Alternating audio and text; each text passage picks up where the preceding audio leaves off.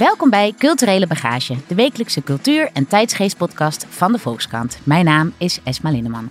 Het gaat niet goed met de mentale gezondheid van jongeren. Uit verschillende onderzoeken blijkt dat jonge mensen zich steeds vaker eenzaam voelen en vaker last hebben van paniekaanvallen en depressies. En één groep die er in alle opzichten uitspringt, meisjes en jonge vrouwen.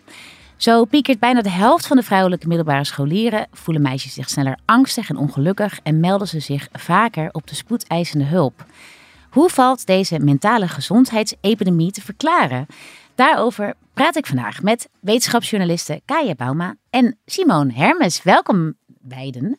Kaya, ik begin bij jou. Ehm, afgelopen weekend hadden wij eigenlijk twee stukken van jou. Twee best alarmerende stukken over de mentale gezondheid van meisjes en jonge vrouwen. Zeg ik dat goed? Welke leeftijden hebben we het over? Klopt. Ehm, ja, meisjes, laten we zeggen, vanaf een jaar of tien tot dertig. Tot dertig, hè? Ja, precies. En ehm, daar gaat het dus eigenlijk ja, ja. in de brede zin niet goed mee. Ja. Wat is er aan de hand volgens de vele deskundigen die jij raadpleegt voor, uh, voor jouw stukken? Er waren er zeker veel, ja. ja. Um, nou ja, allereerst, je zei het al in brede zin. Um, dus toch goed om even te zeggen dat het met heel veel meisjes en jonge vrouwen natuurlijk gewoon goed gaat. Ja niet zo dat iedereen enorm gebukt gaat onder psychische problemen. Uh, maar er is wel echt iets aan de hand. Um, er zijn eigenlijk twee dingen aan de hand. Uh, het eerste is dat het al heel lang uh, wat slechter gaat met psychische gezondheid van jongeren. Ja. Ze zijn somberder, ze hebben meer stress, ze zijn eenzamer, vaker suïcidale gedachten. Hè? En heel veel mensen denken dat dat te maken had met de coronacrisis. Maar dat is eigenlijk iets wat al voor die tijd begon. Ja. en nog altijd doorgaat. En eh, binnen die groep jongeren valt elke keer op dat het vooral met meisjes, dat die extra hard geraakt worden. En jij sprak uh, voor jouw stuk met vier middelbare scholieren, vier meisjes toch? Klopt, ja. Wat, wat vertelden ze jou eigenlijk over, over die ja, mentale staat waar ze vaak in zijn? Nou, dat was een uh, vriendinnengroepje um, en die had ik eigenlijk bewust uitgekozen het was meiden met wie het goed gaat in principe. Het zijn gewoon normale uh, meiden. Niet, uh, die, ze lopen niet op dit moment bij een psychiater of psycholoog. Nee. Maar zij herkennen zich wel enorm uh, in deze problemen. Hè, qua piekeren, somberte, onzeker zijn. Dat herkennen ze. En tot op zekere hoogte kun je dan nog denken, nou dat hoort gewoon bij de puberteit. Hè, het is ook lastig te vergelijken of als zij twintig jaar geleden geleefd hadden, of ze dan minder problemen hadden. Ja. Maar um, wat vooral opviel, is dat zij in hun omgeving ontzettend veel. Zij lepelde echt zo de verhalen op van uh, familieleden, vriendinnen die wel echt ernstige problemen hadden. Van uh, zichzelf beschadigen tot uh, suïcidale gedachten. Ja. Mm. En um, nou hoor ik ook veel terug, uh, nou ja, bij de meisjes in die leeftijdscategorie die ik dan zelf herken, dat ze ook best driftig labelen met DSM-labels uh, komen als uh, nou ja, depressie of PTSS. Ja, ja, ja zeker. Ja. Deden zij dat ook? Ja, dat wordt, ik was depressief en dat viel heel vaak. Ja, ja. En dat kon dan ook om hele kleine dingen gaan, of nou, relatief kleine, liefdesverdriet, ja. last van de winter. Um, dus zij dus ze zeiden dat zelf ook al wel hoor. Van we gebruiken die woorden, woorden als depressief of PTSD gebruiken we wel makkelijk. Ja, um, ja dat halen ze waarschijnlijk toch van uh, sociale media, dus TikTok, et cetera. Ja. Maar dat is ook wel uh, iets waar experts op wijzen dat uh, er ook, is ook veel meer aandacht over uh, voor mentale problemen. En jongeren praten er ook makkelijker over. Dus het zou toch ook voor een deel daarin kunnen zitten dat jongeren misschien in onderzoeken ook sneller aangeven van hè, ik, ik voel me, ik ben, ik ben somber, ik pieker. Ja. Puur omdat ze, ja, omdat als je daar meer over nadenkt, meer over praat, zal het ook, zul je er ook sneller bij stilstaan dat je je zo voelt. En um, veel mensen in mijn omgeving uh, uh, die last hebben, dus jonge vrouwen, die hebben het vaak ook over paniekaanvallen. Dat ja. valt me heel erg op. Dat dat ik wil helemaal niet zeggen een modewoord, want misschien dat altijd al heel veel mensen paniekaanvallen hadden en kunnen ze het nu beter duiden. Maar ja. ik vraag me altijd wel af, wat is nou precies een paniekaanval? Uh, ja, het is, het is ook volgens mij niet, het is niet heel makkelijk uit te leggen, want het is zowel fysiek als mentaal. Ja. Dus uh, hey, je voelt uh, hartkloppingen bijvoorbeeld, kun je voelen. Of je kunt het gevoel hebben dat je heel weinig lucht krijgt, dus ademhalingsproblemen. Ja. Dus het kan echt voelen als iets heel lichamelijks. Um, um, sommige mensen beschrijven het zelfs als ze denken dat ze een hartaanval krijgen, of denken zelfs dat ze doodgaan. Um, maar het is natuurlijk, uh, je reageert daar mentaal heel erg op. Dus je, je, raakt ook heel erg gefocust op die ademhaling, waardoor die nog paniekeriger wordt en nog hoger. Ja, precies. Ehm, maar wat ook wel interessant was bij deze vier vriendinnen, is één daarvan, die heeft ook daadwerkelijk uh, ernstige paniekaanvallen gehad en een angststoornis. Maar die vriendinnen die vertelden daar ook ja, die, die hadden dat dan ook wel eens meegemaakt. En die vonden het ook doodnormaal. Die wisten precies hoe je daarmee om moest gaan. Ja. Terwijl ik als 15-jarige, ik wist echt niet wat een paniekaanval was. Nee, precies. Of laat staan hoe je daarmee om moet gaan. En, en wat wisten ze dan, hoe je daarmee om moest gaan? Ja, een meisje zei het heel mooi. Je moet gewoon naast haar blijven staan. Ja. Ja, en ze ah. vond zij ook, zij had ook zoiets van, ja, dat weet iedereen toch? Dat je dat zo moet doen. Maar uh, ja. Ja. Jij schreef nog een stuk uh, deze zaterdag voor de krant. Um, daar schrok ik echt van. En dat ging eigenlijk over dat vrouwen tot 30 ehm, ja.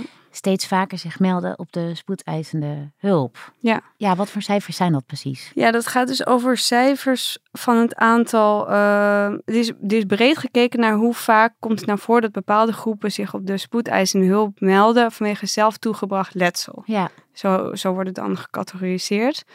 Dus, dus uh, ja, dat kan gaan om zelfbeschadiging of uh, een suïcidepoging, iets wat je jezelf hebt aangedaan. Ja. En dat bleek de afgelopen tien jaar uh, stabiel te zijn voor jongens en voor mannen. Um, ook stabiel te zijn voor vrouwen boven de 30.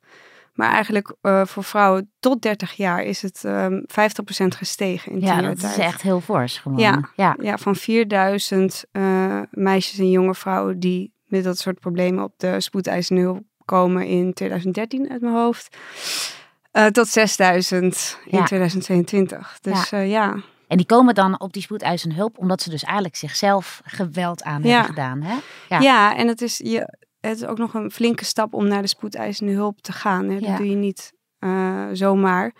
Ook omdat er allerlei uh, verhalen circuleren over wat er op de spoedeisende hulp, hoe er met je om wordt gegaan hmm. als je jezelf beschadigt. Wat voor verhalen dan? Ja, dat is, ik, ik, volgens mij is het inmiddels beter, uh, maar er is wel, uh, ja, er zijn wel verhalen bekend van vrouwen die dan uh, onverdoofd gehecht werden, bijvoorbeeld. Jo. Die echt op onbegrip stuiten. Hè? Want dus, daar lopen er natuurlijk artsen rond die denken van... ik ben de hele tijd mensen aan het oplappen die verschrikkelijke dingen hebben meegemaakt. En dan kom jij hier eventjes... Kom jij hier... Ja. ja, en die dan toch wel... of die dan als laatste pas geholpen werden. Ja, echt wel afschuwelijk. Ja. En er is heel hard aan gewerkt om dat beter te maken. Maar er is nog steeds wel een enorme drempel... Ja. Sowieso schaam je natuurlijk, of ben je, is niet iets waar je trots op bent. Maar... En het is eigenlijk vanuit een psychiatrisch uh, probleem ontstaat dat. Is daar dan wel know-how voor op die. Ja, er wordt wel aan gewerkt. Ja. ja. ik begreep dat er cursussen gegeven worden. Ja. Um, dus steeds meer. Maar dus dat, ja, dat laat ook iets zien van. Uh, dit is echt het topje van de ijsberg. Ja, want dat zeggen jouw deskundigen eigenlijk. Hè? Dat dit echt een alarmsignaal is. Als er steeds meer meisjes zichzelf schade aanbrengen. Wat, dat zegt eigenlijk wat over die hele groep misschien. Ja, ja precies. En dat zegt ook wel... Hè, want ik noemde net dat het misschien een deel te maken heeft met dat het meer gaat over psychische problemen. Maar dit laat wel zien dat het dat niet alleen maar is dat, dat, dat meisjes misschien ook meer na, stilstaan bij hun gevoelens. Maar mhm. dit zijn gewoon hele concrete problemen. Ja. En nou hadden we het al over dat uh, dit is het beeld dat naar voren komt in Nederland. Maar eigenlijk is dit een wereldwijde ontwikkeling, een, een epidemie eigenlijk. Ja. ja. Wat weet jij daarvan? Ja, ik weet nou in elk geval dat je het in westerse landen heel erg ziet. Ja, en dat, dat viel mij ook elke keer op als ik dan op zoek ging naar cijfers. Bijvoorbeeld bij die zelfbeschadiging. Er zijn in Nederland niet zulke goede cijfers voor, maar in heel veel andere landen, Engeland, Amerika, um, ik dacht ook in België, zie je gewoon die zelfbeschadiging bij meisjes toenemen al jaren. Ja. En het, eh, in brede zin ja, is het eigenlijk gewoon in heel veel westerse landen hetzelfde als in Nederland. Dus het gaat slechter met jongeren en het gaat vooral slechter met meisjes. Simone, uh, zie jij dat beeld ook als journalist, zeg maar? Van vrouwen eigenlijk over de hele wereld in westerse landen die uh, mentaal onder druk staan? Ja, kijk, ik, ik schrijf natuurlijk over technologie. En uh, het verhaal wat ik daar wel heel veel terugzie is toch speculeren over wat heeft die telefoon daarmee te maken. En in hoeverre spelen sociale media daarin een rol. Omdat toch vaak de cijfers vanaf, ik kijk even Kaya aan of ik het goed zeg, maar vanaf 2009 een beetje beginnen op te lopen. Ja. En dat is natuurlijk wel de periode dat de smartphone echt ja. groot werd. Ja, precies, ja.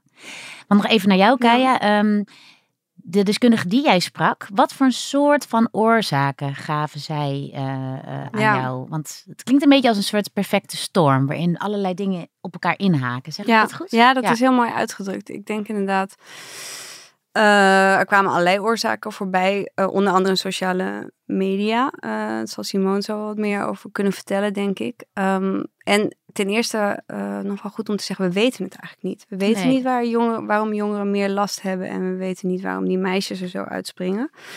Wat heel vaak genoemd wordt is de prestatiemaatschappij. Dus dat het nu belangrijker is dan een jaar of twintig geleden. Hoe goed je het bijvoorbeeld doet op school. Ja en het is ook gewoon, dat is concreet ook veranderd. het stapelen is moeilijker geworden. Dus op, hè, als je op een laag niveau uitkomt op de middelbare school, dan is het daarna moeilijker om weer op te klimmen. Ja, ja, ja. Um, ja, want jij vertelde dat jij als uh, onderwijsverslaggever ook al heel veel zag. Dat ja dat, dat meisjes en uh, jongeren misschien in het algemeen, maar vooral meisjes eh, echt betere cijfers willen halen hè, op school. Ja. Ja. ja, zeker. Ja, dat heb ik me wel over verbaasd. Dat, dat in mijn tijd was het toch niet echt cool om hoge cijfers te halen. En dat is nu... Je moest net langs de afgrond schuren met zes minnetjes en dan was je de coolste van de klas, toch? Ja, ja. Dat was, ja, en dat wat misschien ben ik net op uh, een bepaald soort scholen geweest, maar ik heb het toch heel veel gezien dat jongeren daar echt heel fanatiek waren in uh, goede cijfers halen. Ja. En dat is ook logisch, want dat, ja, dat is ook gewoon echt belangrijker geworden. Ja. ja. Dus ja, die prestatiemaatschappij waarin dat soort dingen belangrijk geworden zijn. Um, en het ook, je ook nog social media hebt. Dus je moet ook laten zien dat je goed bent in dingen. Dus dat je naast die goede prestaties op school, dat je ook nog een leuke vriendengroep hebt. En dat je er goed uitziet en je bent ook nog goed in sport, weet je, dat is wel heel veel druk. Ja. En um, wat in ieder geval uh, wat we weten is dat meisjes wel gevoeliger zijn voor de vergelijking met anderen. Dat ze meer bezig zijn dan, dan jongens met uh, hoe doe ik het ten opzichte van anderen. Zichzelf te plaatsen eigenlijk in ja. de sociale kaart om ja. heen. Ja, ja, precies. En wat ik ook heel interessant in jouw stuk vond, is de term, daar had ik nog niet van gehoord, co ruminatie. Co-ruminatie, ja. En dat deed me gewoon heel erg ook aan mijn eigen vriendinnen denken. Maar leg even uit wat dat is. Ja, dat is het excessief bespreken van zorgen uh, en negatieve emoties. Ja. Um, ja, het is denk iedereen zal wel herkennen dat meisjes meer praten over gevoelens dan jongens. En vrouwen ook. Ik heb soms meisjes. hele avonden met vriendinnen waarna ik ja. doodop thuis kom en denk van nou, ik ben er minder goed aan toe dan toen ik de avond inging. Herkenbaar, Het ja. is wel herkenbaar, ja. ja. Zeker, ja. Dus ik sloeg ook aan op die op die Het lijkt een manier om intimiteit aan te gaan in, in vrouwenvriendschappen. Ja. Heb jij, zie jij dat ook zo? Ja, zeker. Simone? Ja. Ik denk dat het ook een... Het voelt voor mij soms ook bijna een beetje performatief. Maar dat je ook heel erg moet blijven informeren naar wat er met iedereen is gebeurd op elk moment. En je moet bijhouden hoe iedereen zich voelt. En, Ja. Ja. Je, je, je wordt er al doodmoe van als je eraan denkt eigenlijk. Ja. en en die, eh, we hadden het erover van, eh, nou ja, dat, dat is natuurlijk, dat is maar één van de, van de, van de oorzaken. Maar het is wel iets wat Ja. meisjes veel doen, hè? Ja, en het is natuurlijk niet over gevoelens praten is natuurlijk ook goed over Ja, het algemeen. Dus ook juist Ehm, weer goed voor je mentale gezondheid. Ja, dus dat is het lastig. Maar dit gaat over als het excessief is. Dus als vriendschappen alleen nog maar draaien om alle problemen van het leven. Dat je een soort elkaars therapeut wordt. Ja, ja, en dat ja. doen meisjes gewoon meer dan jongens. Ehm, en dat zag ik ook bij die Hilversumse vriendinnengroep heel erg. Die, ja, het is gewoon ook heel belastend als je, de, als je het veel hebt over de zware zaken des levens. Ja, ja. Eh, nou, zei je al, Simone, jij schrijft heel veel over technologie en over sociale media. Zie je daar nou ook die co-ruminatie eh, ja, plaatsvinden, zeg maar? Dus het, het een beetje excessief delen van Ja. problemen. Ja, ik denk wel op verschillende manieren. En ik denk een, een manier die eigenlijk heel onschuldig lijkt. En het misschien ook wel is. Maar dat is de Get Ready With Me. En dat is een ding wat je op TikTok heel veel ziet. En op Instagram. eh, vooral door eh, jonge vrouwen wordt dat gedaan. En nou, dan is iemand zich aan het aankleden. Of een 15 staps skincare aan het uitvoeren. eh, of make-up aan het doen. En dan ondertussen eigenlijk om de stilte te vullen gaan ze een verhaal vertellen. En dat is heel vaak over interpersoonlijke relaties, over dingen die ze hebben meegemaakt, of misschien wel dingen die iemand anders hebben meegemaakt. En wat, ik dan, wat me dan al opvalt in die reacties, misschien is het iets heel Amerikaans, dat weet ik niet, maar je, je ziet het wel in ieder geval de hele tijd. Is, oh, my heart is breaking for you, I'm sobbing. En, maar dan ook als iemand dan iets heftigs vertelt en die zegt dan van nou morgen meer. Dat mensen echt zo obsessief van is er al nieuws? Ik, ik ben je ziet gewoon mensen zijn daar heel erg mee bezig. Um, maar ik denk ook als ik aan sociale media denk denk ik ook gewoon aan WhatsApp en en het in contact blijven met je vrienden en kijk normaal gesproken dan zag je elkaar op school en dan besprak je wel dingen maar nu gaat het de hele dag door en uh, ik sprak bijvoorbeeld een taalwetenschapper. Ik ga even zijn naam niet noemen, want het gaat over zijn dochter. Maar die vertelde van, ik, ik ging vroeger, gingen mijn ouders scheiden. En de ouders van mijn beste vriendje gingen ook scheiden. En daar heb ik nooit met hem over gepraat. Nu pas, nu we volwassen zijn, praten we daarover. Ja. En hij ziet bij zijn dochter, dan roept hij haar van, hey, het eten is klaar, kom, kom aan tafel. Nee, ik kan niet, want de ouders van puntje puntje gaan scheiden. En daar zit ze mee aan de telefoon. En natuurlijk is het super fijn dat zij heel veel steun aan elkaar hebben. Maar hij ziet ook van, zij loopt constant wel met zorgen rond. En heeft is constant bezig met die ander. Omdat je dus de hele tijd dat contact hebt. Ja, interessant. Dus het, het, beeld wat dan eigenlijk zo ontstaat, is dat meisjes zelf onder meer druk leven. En ook de druk die hun vriendinnen ervaren, proberen te verlichten door eindeloos erover te praten. Ja, ja. ja. en ik denk dat de intenties heel goed zijn. Alleen ik merk zelf ook wel eens, dan had ik iets naars meegemaakt en dat vertel je aan je vrienden. Maar goed, de volgende dag dan ga je weer gewoon naar je werk en je probeert je te concentreren. En je bent op een gegeven moment lekker in de flow en met iets anders bezig. En dan krijg je ineens weer zo'n appje van... hey meid, ik hoe hoorde dit, hoe is het? Ja, denk aan je. En denk, ja. overdag je ook weer aan, oh ja. Ja, en dan zit je er weer terug in. Dus ik moet heel eerlijk zeggen, ik probeer dat zelf nu... Ja, ik doe dat zelf eigenlijk ook steeds minder. Omdat ik denk, als je iemand in het echt ziet... dan kan je de temperatuur peilen... en dan voel je een beetje van... Zal ik, het, zal ik er nu over beginnen of niet? Ja. Maar je weet niet waar iemand anders mee bezig is... als je weer zoiets... Ja, dus je wordt eigenlijk door social, sociale media, waaronder ook gewoon WhatsApp.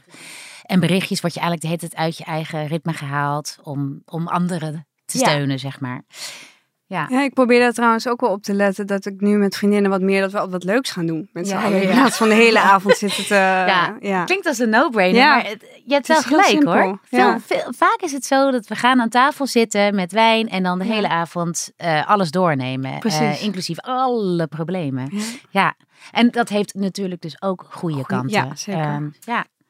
En, en want aan jouw stuk, Kaya, en aan alle cijfers die we hebben over meisjes en jonge vrouwen, uh, die dus mentale problemen hebben, is dat tegelijkertijd die emancipatie van vrouwen, die trein die gaat onverminderd voort. Dus wat is er dan aan de hand?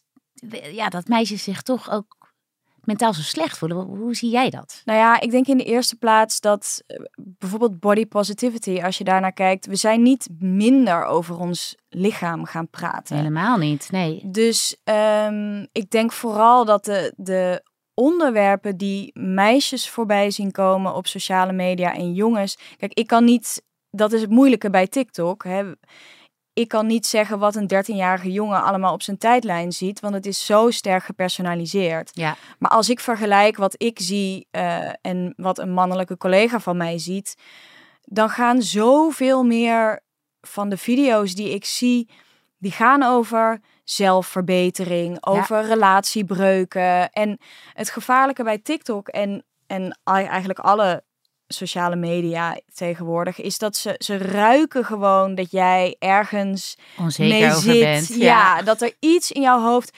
En dan krijg je dus de hele tijd over datzelfde onderwerp, krijg je het weer terug. En ja, ik, eh, ik heb met Helen Vossen, dat is een, een onderzoeker aan de Universiteit Utrecht, en die doet onderzoek uh, naar de invloed van sociale media op de ontwikkeling van kinderen. Ja. Um, en ze, met haar had ik het ook over, ja, zij ziet een gevaar in, in um, dat kinderen en jongeren um, die zich bijvoorbeeld op sociale media presenteren als iemand met mentale problemen. Dus hè, bijvoorbeeld misschien tijdens een Get Ready With Me of dat je gaat vertellen van ik ben al best wel lang depressief en ik heb daar last van. Nou ja, aan de ene kant is het natuurlijk heel goed dat die taboes worden doorbroken en ik denk dat voor zeker pubers is het ook fijn om te zien ik ben niet de enige die hiermee worstelt. Er zijn meer mensen die er last van hebben. Maar zij zag ook wel een gevaar in je bent als puber nog heel erg zoekende naar je identiteit. En daar hoort heel erg bij dat je af en toe somber bent. Of dat je af en toe. En ik heb het natuurlijk niet over de pubers die echt serieuze problemen hebben. Maar meer. Het is gewoon een onderdeel ook van die puberteit natuurlijk. Om je gewoon onzeker of down te voelen soms. Hè? Ja. En haar angst is dan van. Stel je voor dat je dus heel veel. Je merkt dat je heel veel positieve reacties krijgt op een bericht over je depressie. Dan is de verleiding groot om daar natuurlijk meer over te gaan vertellen. En, om dat je identiteit eigenlijk te maken. Ja, ja. en dan is haar angst inderdaad van, ja, uh, als je dan niet meer depressief bent, ja. Wie ben, je, ben dan? je dan wel? Ja. Ik denk wel goed ook om aan te merken dat lang niet iedereen zo gevoelig is hè, voor die vergelijkingsmachine die uh, sociale media eigenlijk uh, samen vormen. Kaya, Klopt, hoe, hoe, zit dat in elkaar? Ja, want de, ik, zat, ik was heel lang zoekende, wat is nou de rol van sociale media hierin? En dat komt ook omdat het onderzoek niet eenduidig is. Dus er zijn onderzoeken die laten zien, het heeft een negatieve impact. En er zijn net zo goed onderzoeken die zeggen, het heeft een positieve impact. Maar het punt is eigenlijk dat het gewoon uh, ja, heel erg verschilt per persoon. Dus is grofweg kun je zeggen dat het voor de meeste jongeren eh, sociale media niet heel veel uh, impact heeft op hoe zij zich voelen. Een soort neutrale. Neutraal. ja. ja. En dan is er ongeveer 10% bij wie het een positief gevolg heeft. Dus die halen er leuke dingen vandaan, vriendschappen. Die worden blij van wat ze zien op TikTok. Misschien juist minder eenzaam. Precies, ja. ja. ja. of ze, ze vinden mensen die hetzelfde in het leven staan als zij. Ja. Um, en ongeveer 10% die heeft er juist uh, die, die uh, heeft een negatieve gevolgen, krijgt hij ervan. Ja, ja die worden onzekerder en, ja. en angstiger. Somberder, ja. ja. En in, dat doe jij in jouw stuk. Als je 10% gaat uitrekenen, dan hebben we het opeens over een hele grote groep. 100.000 jongeren, ja, precies. Ja, dus dat is toch wel uh, flink. Ja.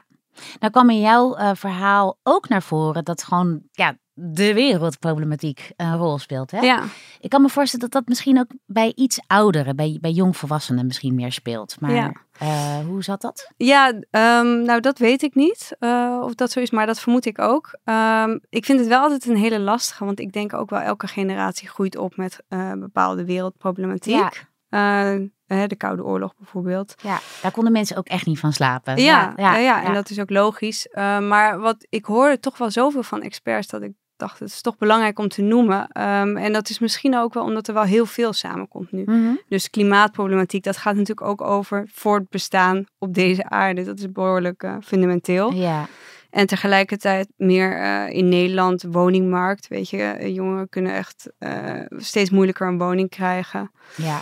Ik zie bijvoorbeeld ook bij mijn uh, familieleden, uh, nichtjes en zo, van dat ook bijvoorbeeld Gaza ook een rol speelt. Ook omdat weer op sociale media het er heel veel over gaat, ja. over die oorlog. Ja, dat zou uh, ook zeker kunnen. Ja. ja. Dus dat, dat, wel, dat is wel een soort van extra ballast. Mm, ja. De schouders van de jeugd. Ja, ja, zeker. En nou las ik ook in verschillende onderzoeken, dat moet volgens mij nog verder worden uitgediept, dat ook bijvoorbeeld hormonen echt een rol kunnen spelen. En dan vooral dat meisjes vroeger in de puberteit uh, komen. Uh, Simon, zeg ik dat goed? Ja, um, nou ja, wat je daar, wat je daar um, als voorbeeld bij zag, is bijvoorbeeld de dochter van uh, Kim Kardashian, Northwest. Die heeft altijd hele wijde kleren aan. En toen had ze met Halloween had ze een jurk aan, want ze was verkleed als een prinses. En dat meisje is pas tien. Mm. maar ja, zij heeft al een beetje borsten. En vervolgens gaat het daar natuurlijk op sociale media, gaat iedereen daar overheen. Ja. Um, en ik kan me dat van mezelf ook nog wel herinneren. Mij, en ik kan het me helemaal voorstellen als het dus zo vroeg al gebeurt. Je, die meisjes zijn nog gewoon kinderen. Alleen de wereld gaat ze dan ineens zien en ook een beetje meer behandelen als volwassenen. En, uh, nou ja, en seksualiseren zeg je eigenlijk dan. Hè? Ja, en dat gebeurde natuurlijk al. Ik bedoel, ik weet niet hoe dat bij jullie zit, maar ik weet wel dat ik als heel jong pubermeisje werd ik echt nog veel heftiger op straat nageroepen dan toen ik ouder was. Um, maar dat is iets, en dat is natuurlijk heel vervelend om mee te maken. Maar nu komt sociale media daar natuurlijk ook bij. Ja, En iemand die gewoon in alle onschuldigheid een bikinifoto online zit met haar vriendinnetjes. En daar ineens allerlei opmerkingen over krijgt. Ja, uh, ik kan me wel voorstellen dat dat invloed heeft. Ja, want Kaya, ik las dat, dat het verschil in die puberteit, of sorry, in bijvoorbeeld menstrueren, dat dat echt enorm. Ja. Dat ja, meisjes op steeds jongere le leeftijd uh, voor het eerst ongesteld worden, toch? Ik geloof. Ja Hoe zat het in 1800? was het of 16 eind, eind 19e eeuw was het 16 inderdaad. En nu uh, jonger dan 13, geloof ik. Eerste menstruatie. Ja, dus dat is, uh, dat is wel een enorme daling. En het schijnt nog steeds te dalen. Ja. Ja, want waar, weet jij waarom dat zo is? Waarom meisjes wereldwijd, of in westerse landen in ieder geval, steeds vroeger ongesteld worden en steeds vroeger ja. die oestrogeenpiek, volgens mij, of oestrogenen krijgen in hun lijf? Ja, wat we in elk geval weten is dat het simpelweg te maken heeft met dat ze uh, gezondere voeding tot zich krijgen en minder uh, ernstig ziek worden in de kindertijd, hè, door die vaccinaties, et cetera. Dus waardoor je lichaam op een jongere leeftijd klaar is voor de volgende stap. Als, ja. Uh, en die, en dan, maar dan ben je dus lichamelijk wel klaar, maar mentaal misschien nog niet. Precies. En dat is ook een, een, een iets wat meerdere experts ook aan mij noemden, van uh, dat zou misschien een rol kunnen spelen, omdat we ook zien in onderzoeken dat meisjes die vroeg in de puberteit komen, dat die ook vaker psychische problemen hebben. Oh ja. Dus je weet niet. Daar zit een verband tussen. Ja, en hoe dat verband dan komt, of het een het ander veroorzaakt, uh, dat weten we niet. Ja, interessant. Um, maar dat is eigenlijk zo'n uh, groot en ingewikkeld onderwerp dat ik dat. Daar ga jij je apart nog in verdiepen, begreep ik. Hè? Ja, ja, klopt. Ja, nou super interessant. En Ondertussen uh, ja, is de vraag natuurlijk, wat kunnen we nou doen uh, om deze meisjes en jonge vrouwen uit de put te helpen? Ja. Wat, wat zeggen deskundigen daarover? Ja, en jongens trouwens, want dat, ja, dat is, ja. het speelt ook bij jongens. En um, je ziet bij bijna al die cijfers dat het met meisjes slechter gaat. Maar toch wel belangrijk om te noemen: het aantal suicides is bij jongens en jonge mannen juist weer hoger. Ja. En dat stijgt ook. Dus dat is, geeft ook wel aan dat dat ook een groep is uh, die onze aandacht verdient. Ja, ja. Um, maar oplossingen, ja, dat is. Dat is uh, hoe, hoe pak je de prestatiesamenleving aan? Dat is natuurlijk een soort van heel groot onderwerp. Ja, um, kunnen we misschien hier niet aan tafel in één keer uh, oplossen. Nee. Maar, maar, daar zit het er misschien een beetje in. Ja, deels. En er zijn toch ook al wel stappen op gezet. Dus die eindtoets op, basisschool is al minder belangrijk gemaakt. Ja. Daar, kun je echt wel wat aan doen. Um, en je er, uh, wordt ook wel genoemd ouders. Die kunnen ook wat... Uh, betere grenzen aangeven als het gaat om telefoongebruik. Ja. En dat hoor ik zelf ook opvallend vaak van jongeren. Dat ze eigenlijk naar snakken dat hun ouders gewoon zeggen... en nou weg die telefoon. Ja. Maar ouders doen dat toch relatief weinig, omdat ze zelf ook heel erg. Ja, precies. Ja, dan moeten ze eigenlijk zelf hun telefoon ook wegleggen. Ja. En nou is er natuurlijk een telefoonverbod op de middelbare scholen ingegaan. Um, maar ja. De meisjes in jouw stuk verwachten daar geloof ik niet zo heel veel van. verwachten daar heel weinig van. Ja, um, ja en die zeiden dat het vooral komt omdat hè, wat zij, wat volgens hen het schadelijkst is, is dat je jezelf het zit te vergelijken op sociale media. En dat doe je niet op school. Dan ga je niet, ja, zoals zij zeiden, die onzekerheid die ga je dan niet voelen. Nee. Dus nee. Um, dat is meer iets wat je thuis op je thuis kamer. alleen. Ja. ja. Als je zo eindeloos kunt scrollen. Ja. ja en valt daar iets tegen te doen, Simon, tegen dat eindeloze scrollen? Ja, dit is een soort disclaimer die ik eigenlijk altijd bij dit onderwerp geef, omdat het ook gewoon heel belangrijk is. Maar uh, je kan het effect van sociale media niet loszien van wat er in de fysieke wereld speelt. En eigenlijk dat ik nu een onderscheid maak tussen fysieke wereld en sociale media het loopt veel meer in elkaar over. Dus als je het hebt over meisjes die heel somber of jongens die heel somber de hele dag op TikTok scrollen. Ja, de vraag is ook waarom scrolt iemand de hele tijd op TikTok? En ik denk gewoon dat we ook niet uit het oog moeten verliezen dat gewoon de treurige realiteit nog steeds is dat meisjes en vrouwen gewoon, uh, volgens mij er waren cijfers van de overheid, 45% van alle vrouwen in Nederland maakt in haar leven uh, lichamelijk geweld of uh, seksueel misbruik mee. Ja, ja. En, en dat, dat is iets waar sociale media um, niet iets in verandert. Maar ik denk wel dat je als ouders veel meer zou moeten informeren wat je kind online doet. En dan bedoel ik niet op een soort restrictieve manier en op een boze manier, maar wees geïnteresseerd naar wat zie je eigenlijk op TikTok? Kan je me eens wat filmpjes laten zien? En wat vind je hier leuk aan? Zodat dat gesprek al loopt. En als er dan misschien een keer iets gebeurt en ze maken iets naars mee, of je ziet van goh, je bent echt alleen maar aan het kijken naar, uh, naar filmpjes over uiterlijk of wat dan ook, dat je er in ieder geval een open gesprek over kunt hebben. Hè? Ja, ja, precies. En, um, en stel dat je jongere nichtjes of uh, jongere zusjes hebt als luisteraar en je wil, je wil, je wil ja, zo goed mogelijk van hulp zijn. Wat zijn dan tips? Hè? Nou ja, ik denk, ik zie in ieder geval wel op sociale media nog steeds bij meisjes, uh, en ook al is dat dan omgeslagen in body positivity, zoveel opmerkingen over uiterlijk. Ja. En she's so beautiful en bla bla bla. En ik denk vooral, blijf ook je meisjes complimenten geven over hoe hard ze kunnen rennen en hoe grappig ze zijn. Ja, en Misschien moeten wij dat als volwassen vrouwen ook wel nog steeds Absoluut, meer doen. Ik zei vanmorgen nog tegen twee collega's van, woe, je ziet er goed uit. Of uh, leuk jurkje. Maar dat hoort misschien ook bij het grotere probleem van dat het nog heel veel over uiterlijk gaat. Ik bedoel, dat zit ook geïnternaliseerd. Ja. ja. Nou ja, dank jullie wel voor jullie komst naar de studio. Dit was Culturele Bagage. Montage wordt gedaan door Team Hageman en eindredactie door Corine van Duin, Emily van Kinschot en Julia van Alem.